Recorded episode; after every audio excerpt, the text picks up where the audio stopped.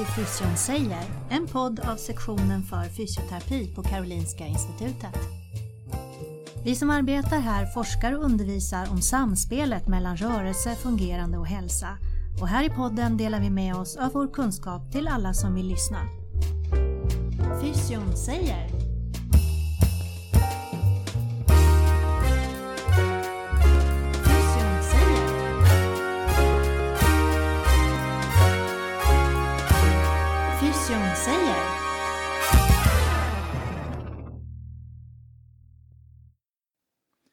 Ja, idag i studion har vi Graciela Rovner som är fysioterapeut och hon är akttränare.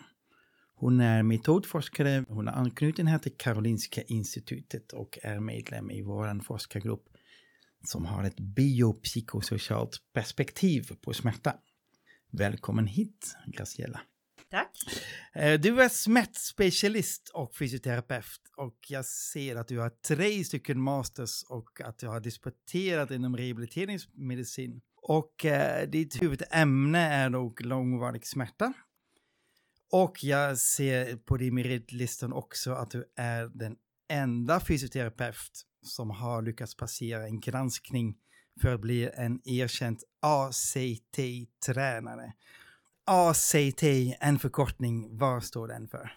Ja, eh, för det första så brukar vi säga ACT ACT, okej. och inte ACT, det låter som ECT nästan. Ja. Eh, men det är för att det handlar just om att agera och det står för Acceptance and Commitment Therapy. Eh, och det handlar just om det här vikten att kunna agera trots obehag eller svårigheter. Så det att, att acceptera vissa Mhm. saker som vi inte kan förändra och bli fortfarande engagerade i vårt liv. Just det, commitment står för engagemang då. Exakt. Mm. Ja, Graciela, vi har haft i en tidigare podd om långvarig smärta pratat om olika patienter att de, fast de har den kliniska bilden lika, samma diagnos, samma smärtnivå, att de reagerar helt olika. Och eh, kan du utveckla dina tankar kring detta? Jag kunde se att vissa patienter liksom körde över sin smärta Mm. och kraschade. Mm. Andra gjorde ingenting. Liksom ingenting. Och då hade jag grupper, jag har alltid jobbat i grupp för Mm. jag tycker det är viktigt för patienterna som är väldigt isolerade. Eh, och då var det nästa liksom, kom igen, kom igen, lugnt, Mm. kom lugnt. Och, så, och, och, och patienterna blir förvirrade själva. Ja. Varför säger du till mig, varför kan inte jag, varför? Du Ja, vet så. Ja. Då började jag skapa olika program för dem. Mm. Den ena gick ganska intensivt, en vecka. Tre timmar i grupp och så, Mm. that's it. Ehm, andra gick väldigt långsamt. Och sen fick jag en massa EU-pengar. Jag Mm, byggde okej. upp första aktkliniken i väst, på västkusten. Och anlitade väldigt unga kollegor, PTP, psykolog och fysioterapeut och så. Och då stod jag och skulle visa dem hur man gör bedömningen på Mm. patienter och de stod som fågelungar och sa men Gracilla vad gör du? hur, hur vet du Ja. att den patienten ska till intensiv rehabilitering och det här ska till långsam, det här ska mitt emellan. Hur, Ja. vad, hur, hur gör du? Intressant. Ja, och då, det var, då sa jag så här, ja, det här heter nog evidensbaserad seniora magkänsla. Och då tänkte jag att det här går ju inte. Nej. Det är ju inte patientsäker. Nej. Även om jag är, jag är kunnig, de var juniora, hur kunde jag säkra att de patienterna skulle få samma bedömning av dem? Ja. Och då började jag forska på mitt beslutsfattande faktiskt. Jag hade en massa instrument Mm. eh, från eh, smärtregistret. Ja. Eh, Smärtrehabilitering. Jag var den första att implementera i, på väst, eh, Västra Götalandsregionen. Det här är mer än tio år sedan.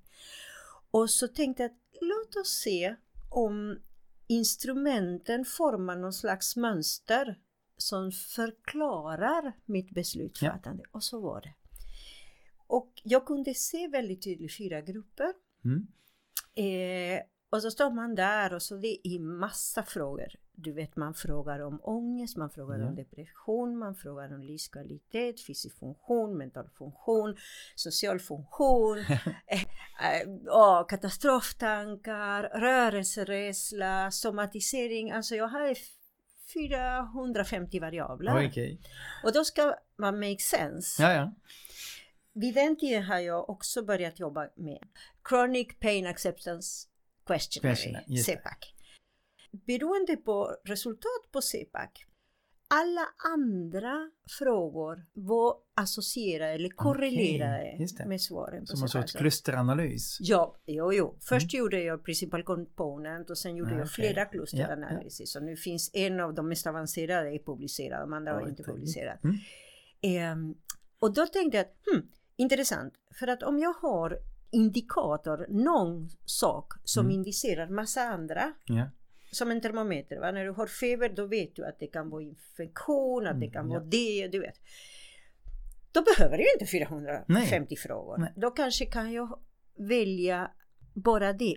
Det som är beauty kan man säga av Mm. det instrumentet om man jämför med de andra instrumenten. Inom Acceptance and Commitment Therapy Community, vi har ju ett forskningsprogram som bygger på att vi är inte bara fokuserade på att mäta att det vi gör ger resultat, utan Mm. det vi vill veta är vad har gett resultat. Mm. Ja. Vad är verkningsmekanismen som i en tablett? Vad är ingrediensen i Ja, den där den tabletten? substansen. Ja, och det är det som också gjort att jag föll pladask för ACT. Mm. För ACT har byggts så här, de flesta tekniker vi har och modaliteter vi har inom fysioterapi och inom psykologi och så. Mm. Vi har gjort någonting. Och den där någonting har funkat. Och Mm. sen står vi och hmm, det funkar. Ja. Men vi, vi, vi kliar oss på huvudet, Ja. verkligen. Varför funkar det? Ja.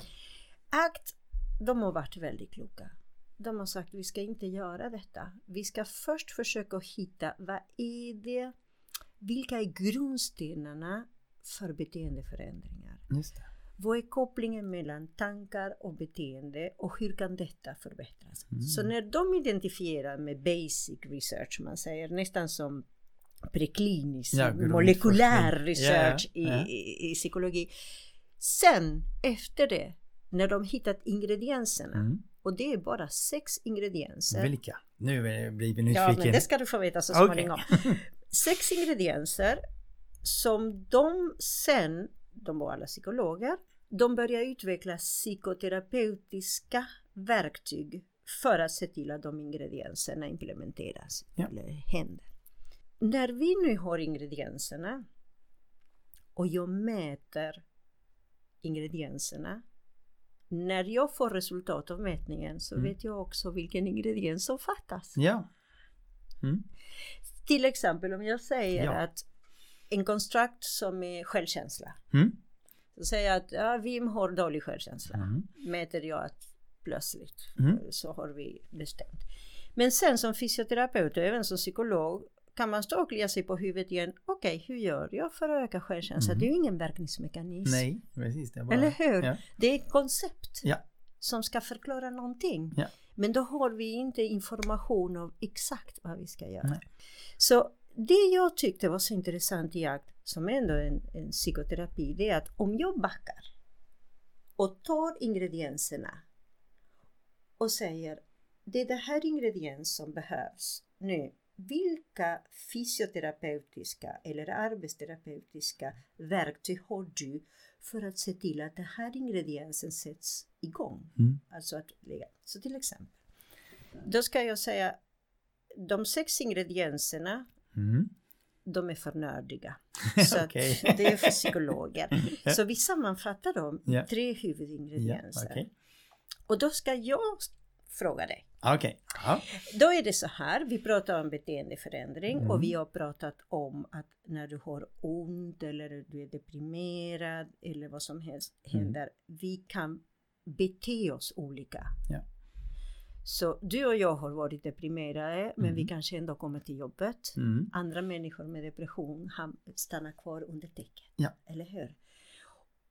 De beteendena, det är de vi ska förändra. Jag ska Ja. inte förändra depressionen men jag ska funktion. Vi gör beteendeförändringar. Mm. Är du med på att Ja, jag är det. fysioterapeuter? Ja, ja, ja. jag, jag minns, jag, en parentes, jag minns att eh, en gång så hade jag en diskussion med en god vän i Göteborg som är mamman till fysioterapi, Katarina Broberg. Mhm. Eh, och jag sa till henne, du vet att fysioterapi det är ett beteendevetenskap. Eh, vetenskap. Mm. Nej, he, Nej, det är ja, medicinsk vetenskap. det är och rörelsevetenskap Just det. är det. Jaha, och vad är rörelse? Så att vi ändrar beteende hela tiden. Mm. Och då är min fråga till dig, vad behöver vi först för att kunna ändra ett beteende? En, eh, oj, det var en bra fråga. Jag tror det Du måste... var inte, du var Nej, inte inte här och väntade på att du ska få fråga Nej, det var precis tvärtom. Jag... Det är du som ska fråga. Ja, precis, men eh, intressant. Eh, Vad behöver man först? Jag skulle säga motivation. Man måste någon vilja att göra någonting. Precis, precis. Man behöver motivation, men det finns faktiskt någonting innan motivation. Okej, Det är lite gömd.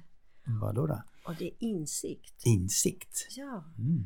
Vi känner jättemånga människor som säger till exempel de dricker sitt glas varje kväll och vi tycker att det börjar bli lite mycket. Mm. Men de säger nej, nej, nej, det där är ju ingenting. Och that's it, diskussionen är slut, Ja, eller hur? Ja, precis. Då finns ju ingen insikt på att det här är ju ett problem. Ja. Eller det här måste jag ändra. Så insikten, Mm.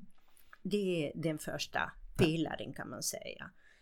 En närvaro, att veta, att kunna tolka vad är det som händer. Ja. Mm. I arbetsterapeutiskt språk skulle vi prata om uppmärksamhet. Ja. Mm. Så att det är den första. Sen kommer motivation. Vad är viktigt? Vad vill jag göra? Varför ska jag gå ner i vikt? Det är ju pain in the ass att gå ner i vikt. Eller, Ja, ja, eller varför absolut. ska jag börja träna? Ja. Överhuvudtaget. Det är mycket skönare att ligga i soffan och titta på det. Så att vi verkligen måste ha en morot. Ja. Och inom ACT så har vi hittat att de här morötterna är ju inte mål. Mål är inte morötter. Nej. Morötten ska vara djupa. Ska vara en sån där varför finns du nu Ja, på ja. jordklotet? Existentiell. Det är lite existentiellt va? Så att det, vi kallar det för värderingar. Va, vad är viktigt för dig? Viktigt, viktigt på riktigt. Inte viktigt för att du ska vara en duktig någon som någon annan ska tycka om dig. För dig, vad står du för? Mm. Varför lever du Ja. just nu på jordklotet?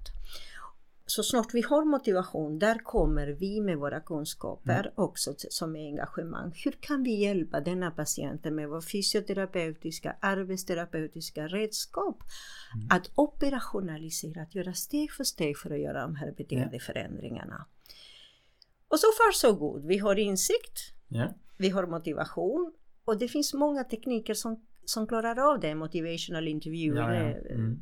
är och KBT också.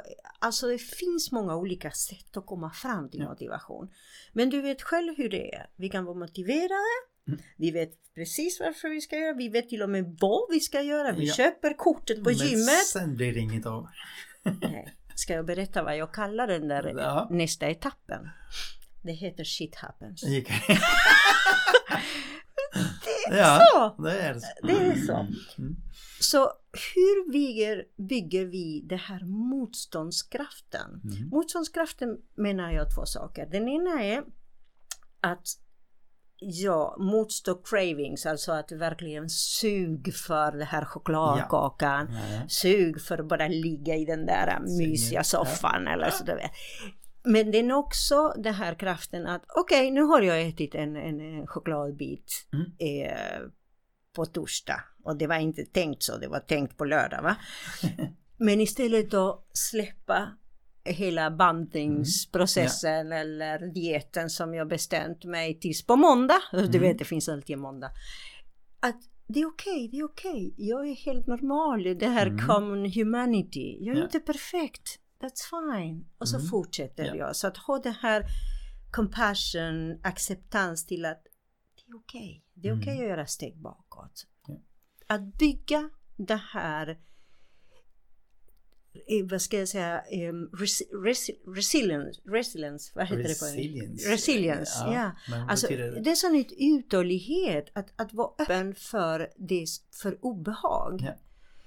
Så jag tänker mycket på våra elitidrottare, proffsdansare, även politiker på toppnivå. Liksom, hur klarar de det här Mm. enorma smärta som de utsätter sig för? Mm. De har väldigt tydlig mål, absolut. Men sen har man tränat sig. Som tur är så är vi plastiska. Mhm. Och det går att träna att kunna fortsätta även om vi har Mm, obehag. Alltså inte på ett masochistiskt sätt. Nej. Det är återigen på ett klokt sätt. Ja. Men att klara av. Så det, är- det är en, en, en grej. Så vi har tre pelare och det jag kunde se i min forskning då.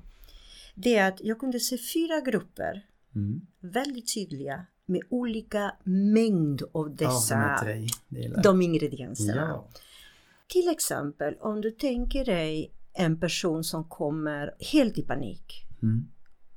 Och helt down, väldigt hög ångest och depression. Mm. De upplever smärta som absolut det största hotet. Ja.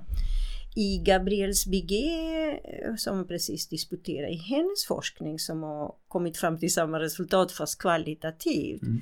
De patienterna uttryckte att smärta upplevs som ett hot. Ja. Och vi pratar om smärta som man inte dör av. Alltså vi pratar om långvarig icke-onkologisk smärta här. Va? Deras förhållningssätt, och de skulle aldrig någonsin acceptera, säger de. Det, det, Det- det här ska jag väg och du ska hjälpa mig. Ja. Så en sån patient som är i kris och du frågar vad kan jag hjälpa dig med? Mm. De säger det vet inte jag, det är du som ska fixa mig. Ja. Medan du har raka motsatsen. De personerna som skattar högt till exempel i acceptans. Mm. Och acceptans består av både det här engagement Mm. som kallas för eh, eh, committed action kallar vi det. Mm. Ja, vi är engagerade, vi har någonting viktigt i livet. Och så mäter vi även det här villighet att ha smärta. När de är höga, deras insikt också är hög. Och de patienterna säger så här. Jag skulle vilja veta om jag kan fortsätta rida. Ja. Eller om kan jag börja träna igen? Alltså de egentligen tillfrågar en coaching. Ja. De vill inte att jag ska lösa deras Nej. problem. Om, om jag skulle föreslå att lösa eller massera, de skulle bli förolämpade. Ja. Eller hur? Jag kan själv. De, jag kan själv och där behöver vi förstå väldigt snabbt det här. Mm. Och, och coacha och hjälpa dem att fortsätta. De förmodligen har jobb och sådär. Mm. Och sen finns det två mittemellan-grupper och Just det. de är spännande. Oj, oj, oj, lite både och. Jag tänkte, om jag går tillbaka till den första gruppen då. Ja, Den som vill bli hjälpt. Eh, vad gör man som terapeut då när man träffar den? Det är lätt hänt att man hjälper och då blir det ingen framgång. ja men det är det som den här modellen är så intressant. När man förstår ingredienserna så förstår vi att en sån person, det är nästan som en liten bebis. Mm. Totalt hjälplös. Vad är insikten hos en bebis? Ja, den är inte så stor. Den är inte så stor. Så vad är det vi gör med en bebis? Ja, öka insikten då. Och hur gör vi det? Titta, titta här, titta, titta. Så vi fysioterapeuter kan jobba mycket med kroppsmedvetande för att Mm. bara, bara lägga märke till Känn fötterna på jorden. Känn din andning. Mm. Titta. Alltså det är bara att titta.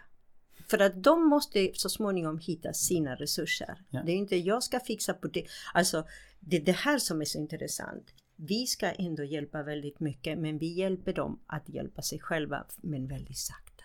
Just Så det blir det här. Där, det var den här långsamma gruppen där. Det är långsamt. Ja. Då har jag gått ut i skogen med stavar och vi kanske bara tittar på färgerna. Arbetsterapeuten kan jobba på en kvadratmeter på marken där och, och få dem att dela saker och ting i olika färger, i olika nästan dagis va. Ja. Men det är det vi behöver för då märker du om du hämtar en sån person på väntesalen den personen kommer knappast att titta dig i ögonen, Mm. kommer direkt att börja prata. Mm. Så de har ju ingen, alltså de, de är inte ens orienterade. Mm. Så vi har ju ingen attention orientation, vi kan ju inte kräva allocation, alltså det är att orientera. Att här är jag, här är du, lyssna. Det är väldigt basic och de verktyg har vi. Så Ja. att om jag som fysioterapeut förstår direkt eh, och det intressanta är att det här, det här frågeformuläret är åtta frågor och åtta frågor ger mig direkt tecken på att jaha, är den personen så låg i alla tre, Mm. då börjar jag alltid med det här insikt. Ja. Och som sagt, säger jag till dig insikt, säger jag till arbetsterapeuter, fysioterapeuter, kollegor, hur ökar du insikten? Ja, vi har massa i vårt verktygslåda. Ja. Eller hur? Ja. Annars kan man eh, öva sig, ha nya övningar, men för det mesta vet vi det. Och arbetsterapeuterna är mästare för det, på det här. Va? Sen så har du ibland personer som är mitt i en kris Ja. på riktigt. Men har man kan se att de har haft tillgång till, till andra mer exekutiva. De har haft bra jobb och Mm. kanske ett bra liv och sen kraschar någonting. Men ibland har patienter som alltid har varit där. Ja. Eh, och det måste vi identifiera. Mm. Vilka Eh. resurser de har med sig. Precis, det går att identifiera ganska snabbt. Eh, för att det är en väldigt, väldigt kort eh, historia som berättar att jag har vuxit upp och haft problem och Ja. ett tufft uppväxt och sådär. Eh, och har du haft jobb? Nej, jag har aldrig haft jobb och ensam Mm. mamma. Och du, ganska små saker så förstår vi att den personen kommer vi behöva lära verkligen titta, titta, det här är en boll, alltså Ja, ja, ja. eh, väldigt steg för steg. Mm. Andra personer kommer att gå lite fortare. Så att det är den krisnivå där vi som sagt börjar väldigt, väldigt sakta. Sen kommer nästa nivå som är så spännande. Mm. Och det är faktiskt folk som säger att det är okej, jag klarar av. Mm. Men sen gör de ingenting. Nej, okej. Det Så- brister någon annanstans. där. Ja precis. Och så, och, så, och så kommer du överens med att okej tills nästa vecka så ska det vara några promenader så här och Mm. några trappor. Ja, ja visst äntligen säger ja, de och visst. Blir det inget. Det blir inget. Nej. Och du, vi blir så trötta på det. De är trötta på oss Ja, ja, också så visst. det är ju ömsesidigt. Det är den gruppen som det är mycket posttraumatiskt. Okej. Med eller utan diagnos, jag skulle vilja säga det är personer som är väldigt i huvudet. Mm. Kan absolut inte förklara någonting. Hur mår du bra? Hur mår du dåligt? Däremellan finns ju ingenting. Nej. Ehm, så det är vad man kallar alexitimisk. Det innebär att egentligen definitionen betyder att man inte har kontakt med sina känslor eller man inte kan uttrycka sina känslor men man har ju inte kontakt för sig själv. Nej. Man vet inte. Så med de personerna jobbar vi med att sätta namn. Ja. Och frågar du till den personen vad är viktigt för dig och då står de bara med stora ögon och jag vet inte Mm. kanske jobba. Alltså de gissar, de Ja, ja. vet inte. Så där behöver vi jobba mycket med hit, ge namn till saker och Ja. ting. Och det är precis Sätta ord på. babys Ja, igen. Det här, det här är ju mugg och det här är en boll. Men innan de, alltså först måste jag säkra mig att ögonen är på Ja, det jag vill lära. Så det är ord, det är naming. Eh, och det är det vi gör i mindfulness också. Först lägger vi märke och i nästa steg sätter Sätter vi namn. Och sen börjar vi med det här. Det här är dåligt och det här är bra. Vi börjar Mm. döma. ja. Så Eh, Sätter värderingen på det. Precis, och det är nästa grupp. Det är en grupp av jag kallar för Wonder Woman. De skattar väldigt högt engagemang Mm. för att det ska vara bäst i allting. Ja. Men man vill inte ha obehag. Så man gör allt för att kontrollera Ja. obehag. Så det är nästa steg. Mm. Eh, så att på samma sätt som förra grupp, det här posttraumatiska, behöver spark i röven. Det får ju så. säga- På den här bloggen får man säga Vi behöver, be, det heter beteendeaktivering egentligen på fint. Ja. Vi behöver, alltså vi ska inte prata med dem, vi ska gå in i kroppen, det ska vara nämna vad som upplevs men inte vad som ska göras utan hur upplever du det? Beskriv hur du upplever och gör, gör, gör, gör Ja. och göra med dem. Inte Ja. komma överens att de ska gå en promenad. Vi går en promenad. Ja, just det. Så. Däremot när vi hamnar i den här Wonder Woman beteende, Mm. overdoer, det är mer ångestdriven. Okej. Den förra är mer en depressions... Så det är ång- ångestdriven. Och där, vad behöver vi där? Vi behöver lära oss att ladda upp batterierna Mm. och vi behöver kunna stanna i obehaget också. Mm. På ett icke-dömande sätt. Varför? För att när vi är i den gruppen, eller i, det är inte en grupp, det är ett beteendemönster egentligen. När vi är så supermästare Mm. och vi överdo, vi är också väldigt reaktiva. Ja. Eh, och det är det här icke-dömande som gör att om jag inte dömer, om det här är bara som det är, jag behöver inte agera över det Nej. nödvändigtvis. Jag kan låta det vara Mm. så. Var i stunden. Var i stunden. Så att, och jag, jag har en metafor för de här fyra, eller jag har två metaforer Mm. egentligen, men i de här, det som jag gillar om det här, om du tänker dig när vi bedömer i teamet, Mm. då bedömer vi beteende. Vi bedömer inte personlighet, vi bedömer inte, vi ger inte diagnos utan vi bedömer beteende och patienterna lär sig detta. De säger själva jag är ju mer en sån Ja. just nu och jag förhåller mig till min smärta Ja. på det här sättet. Så jag brukar använda en eh, navigeringsmetafor. Mm. Om du tänker dig när, när man är ganska okej med sin smärta som jag är som haft smärta sedan tonåren. Mm. Där eh, då och då får jag något problem och så går jag till ortopeden och frågar kan jag fortsätta springa tror du? Ja. Eller sådana väldigt specifikt. Då är det som att om jag skulle segla då har jag bästa väder, bästa vind Ja. Och våga till och med spinnaker och, Ja. få upp spinnaker för jag är nyfiken. Nu. Ja, men jag är nyfiken, jag är äventyrlig, jag vågar. Ja. Så. Men shit happens Mm. och vi har storm. Så vi kommer ner till den här krisen. Ja. Så jag är på båten och där kan jag inte latcha. Nej. Nej, jag kan inte vara nyfiken och äventyrlig. Jag ska direkt ta på mig overallen, hålla mig fast i masten, kanske kroka mig fast, Ja, se ja. till att det är choklad i fikan. Ja, precis, jag kommer att behöva kissa på mig där för att det är ingen tid, eller hur? Då, då behöver jag antingen vänta tills någon kommer att rädda mig eller bara stormen går, försvinner, eller hur? Just. Och det är helt normalt. Mm. Så att är jag i en storm och beter mig som i en storm, då är vi okej. Mm. Problemet är om inte är en storm och det. jag beter mig som en storm. Just det. Mm. Då blir det Det är då fiblas. vi ja. behöver en annan, annat fungerande. Ja. Då är det inte vad vi kallar inom makt, det är inte funktionellt beteende. Mm. Det är ingen rätt eller fel, det fungerar inte. Nej. Och det kan man ha ett exempel ibland, folk som är i kris och du kommer kanske vänligt och vill hjälpa. Eh, säg att du tappar någonting och säger du tappar någonting. Nej, det här är inte mitt. Ja, du vet, sådana Ja, ja. reaktioner Ja, ja, eller eh, vad gör du? Och så, och, och, och så ursäkta, nej, så va, ja. jag reagerar så. Så att där har man en, en, en dysfunktion i beteendet. Det här eh, stormbeteende, det ska vi ha. Ja, men har, inte nej alltid. precis, har jag kris, händer någonting Yes. med mina barn, det är klart jag ska göra Ja, så här. ja.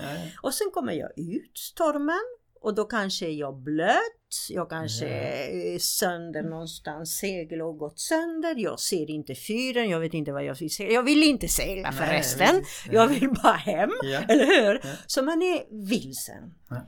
Och det är det här posttraumatiska, det är absolut sämsta platsen vi kan vara. Och det är uncertainty. Det är, det är varje gång vi efter vi har kommit ur en kris. Tänk på en eh, separation. Mm. Eh, byt, eh, någonting som inte har funkat. Mm. Det är liksom, ska jag gifta mig igen? Nej, det ska jag aldrig gifta mig. liksom, så här, va?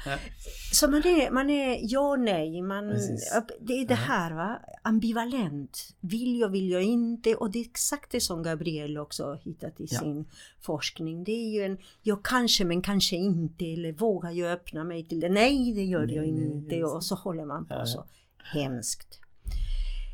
Och där, när, när vi är med, med en patient som beter sig på det här sättet, då behöver vi vara väldigt starka för det är väldigt obehagligt att vara där med patienten. Ja. Det måste vi klara av det. Mm.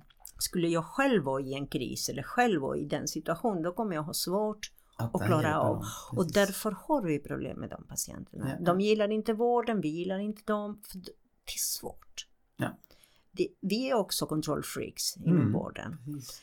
Så att eh, där behöver vi jobba, jobba väldigt mycket med tolerans, upprepa, sätta ord och inte sätta ord på dem utan att så småningom ska Mhm. de fixa, vad, vad, hitta vad, vad är meningen, vad vill jag innerst inne, hitta dessa ord och det Just tar det. tid. Mm. Så, och sen med nästa grupp är ju den som att nu har jag hittat fyren, nu vet jag vad jag vill segla, nu Ja. igen och nu, Nu, sätter jag och nu ska jag till och med Ja, till att tävla. orientering. Ja, precis! En superorientering med en mästerskap, inte hur som helst, det. inte latcha, utan Ja. jag ska bli bäst.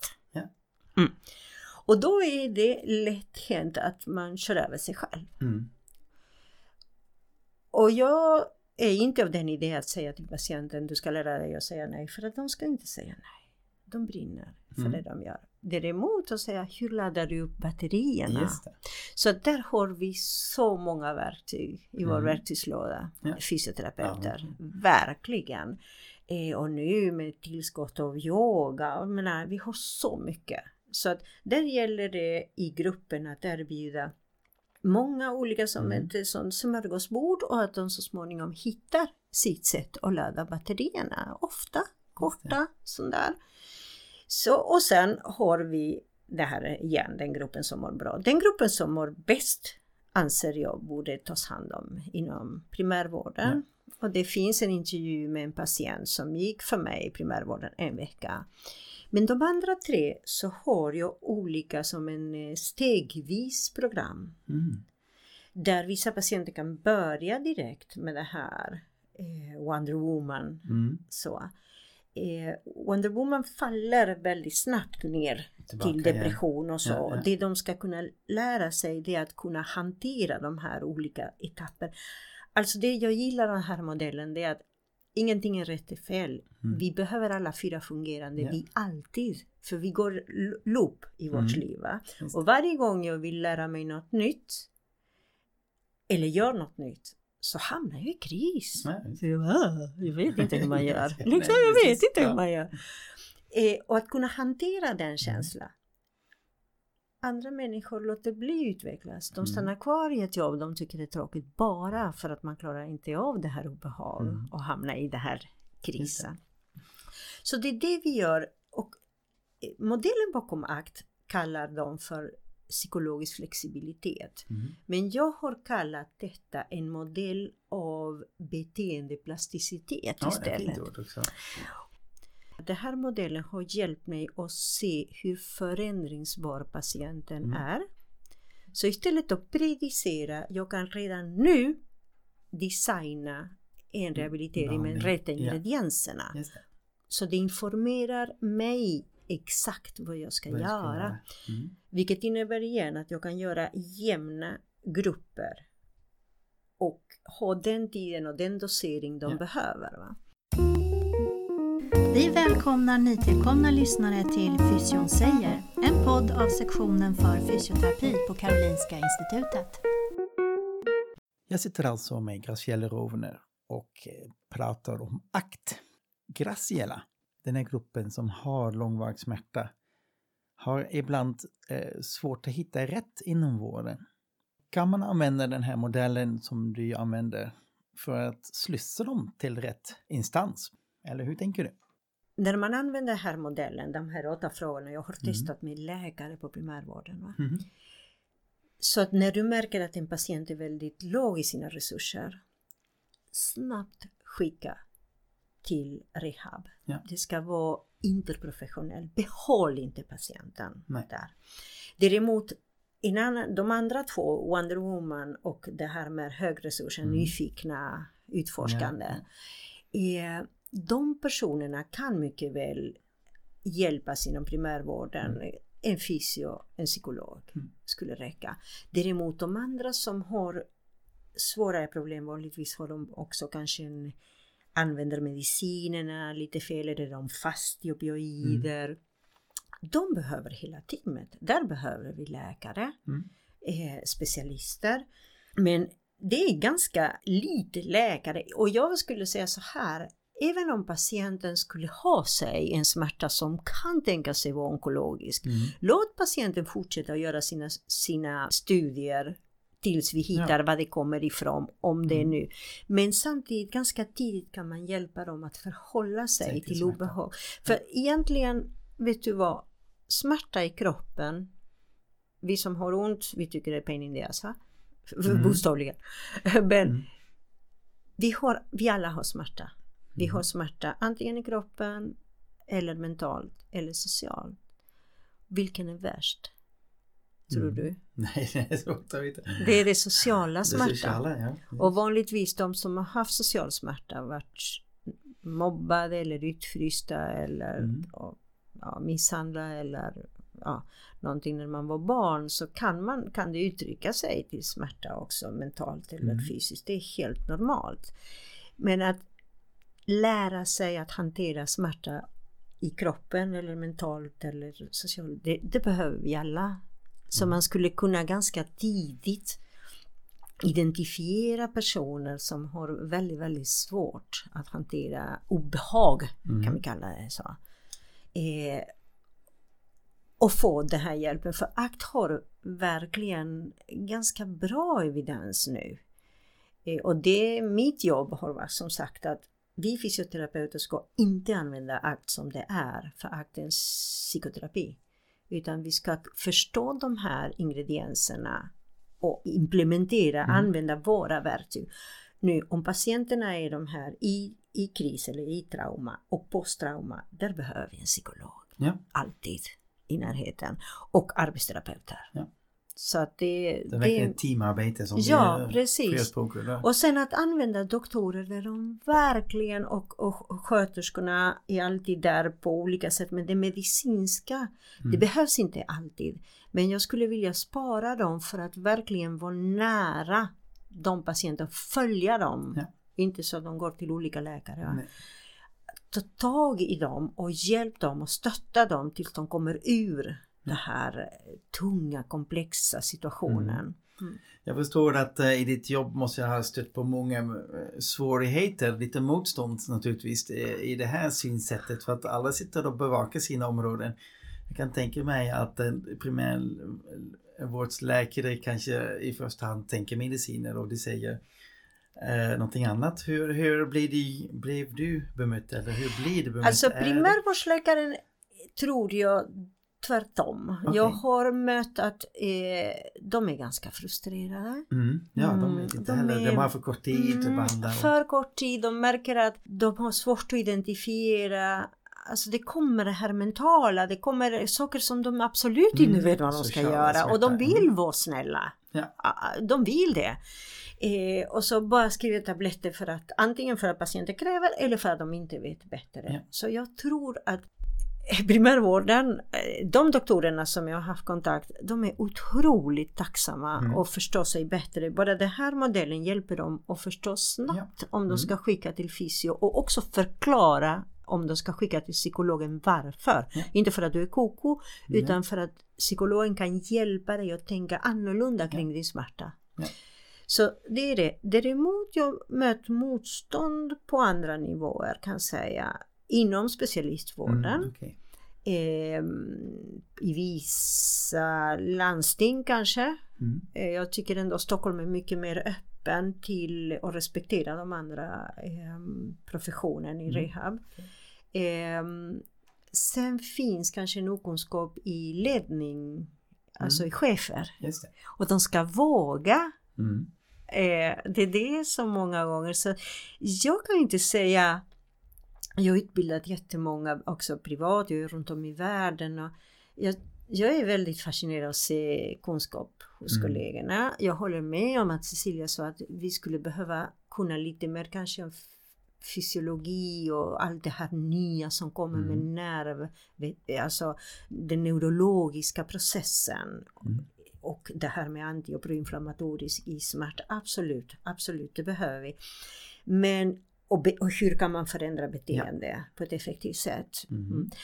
Som sagt, beslutsfattare eh, Politiker behöver mer information. Vi behöver ta ansvar och informera bättre, Ja. utvärdera vad vi gör och ha chefer som vågar Mm. bryta och implementera eh, evidens. Just det. Vi har en liten eh, punkt här i podden där vi pratar om olika myter som vi kan eh, bli av med. Hoppas jag. Det Ja. finns väldigt många myter tror jag i den här branschen. Ja! Vad säger du? Har du någon myt som du vill bli av med? Ja, en myt det är att patienter är komplexa. Om de har sig trauma posttraumatisk stressdisorder och smärta. Oj vad komplexa de är. Oj oj oj. eh, det här tycker jag inte bara är en myt utan det är väldigt stigmatiserande. Mm. Det är inte att de är komplexa. Vi är simpla i medicinskt teknologiskt Just perspektiv. Ja. Och sen kan jag fråga dig, är du simpel? Nej. Nej, jag menar vi alla är komplexa. Vi har ju ett dikotomiskt sätt, Mm. väldigt reduktionistiskt sätt. Mm. Och sen ser vi kollegor skriva att patienter är komplexa. Det här är alltså, det gör ont i Mm, mitt ja, det hjärta. var detta. Bra, då blir vi av med detta begrepp. Ja, Ja. patienterna är inte komplexa. De har en svår situation. De har det svårt. Ja. Det kan vara en komplex situation där Ja. de är i. Yes, de är inte något. Men eh, vi behandlar dem alldeles för simpla. Det tycker jag är bra. Ja. Och sen att kunna förstå att saker och ting hänger ihop. Och att det är normalt att det hänger ihop. Mm. När jag har haft patienter, män framförallt, som nollar all depression. De har haft ont i 15 år men de har zero depression, zero ångest och då börjar jag titta på det och säga, vet du vad? Nu är jag orolig. För det här är ju inte normalt! Nej. Du har förlorat jobb, du har skilt dig och Ja, du har ja. zero någonting. Va? Nej. Eh, Ja. så att det här tycker jag vi behöver ifrågasätta och vi behöver veta vad är det vi säger. Hur tittar vi? Det är den ena. Jag tror att den myten av att man ska vila som Kristina sa, den, den är nästan borta. Jag har fortfarande hittat kollegor Ja. ute som kanske inte är så, så up to date och så tycker att en patient är också bräcklig. Ingen människa är bräcklig. Mm. Ingen människa. Vi alla människor, otroligt, vi alla har styrka, även om vi inte ser det själva, så har vi det. Och vi ska kunna se det hos patienten. Mm. Så jag skulle vilja avsluta med att säga, se patienten som en solnedgång. Ja, nu är jag i Stockholm. Soluppgång blir det här. Okej. Ah, på havet. Jag Ja. tänker på västkusten. Ja. När vi tittar, vi, se inte din patient som en problem att lösa. Mm. Alltså verkligen se den personen i sin fulla styrka. För att det är där vi kommer att kunna börja bygga upp de här tre grundpelarna Mm. för att kunna fortsätta vara flexibla och anpassningsbara. Livet kommer att ha sitt happens permanent. Mm. Om vi blir av med smärta imorgon så kommer nästa va? Mm. Så vi behöver hela tiden ändå ändra och vi åldras. Och, så att connecta med din smärta, connecta med den andra smärta och se detta som ett vacker solnedgång, någonting som du ska verkligen hjälpa fram och utvecklas och blomma. Då har vi kommit till slutet av programmet och eh, min fråga till dig är nu vad händer härnäst? Jag vet att du har skrivit en bok som kommer ut på studentlitteratur alldeles snart eh, där du kopplar dina teorier och tankar kring akt mot neurovetenskap så det blir väldigt spännande att läsa den. Jag vet också att du har olika kurser och till våren startar på Karolinska institutet en kurs eh, inom detta område. Men eh, jag undrar vad jobbar du med just nu? Min största jobb nu är som konsult på Ja. klinikerna för att omorganisera och sen utbilda och handleda personal i den här aktiv rehab-modellen. Så det är lite, nu står Island på tur, eh, sen eh, kanske Holland på neuro, alltså Okej. överföra detta Ja. i neurorehab, det blir pediatrisk neuro. Ja. Och sen, vi får se. Det är lite vad som sån händer. där så jag reser väldigt mycket. Och, Ja. ja. Ja, det var fantastiskt att ha dig här i varje fall. Vad Tack kul så att vara här. Jättetack! Du har lyssnat till podden Fysion säger, en podd som sänds från sektionen för fysioterapi på Karolinska institutet. Fysion säger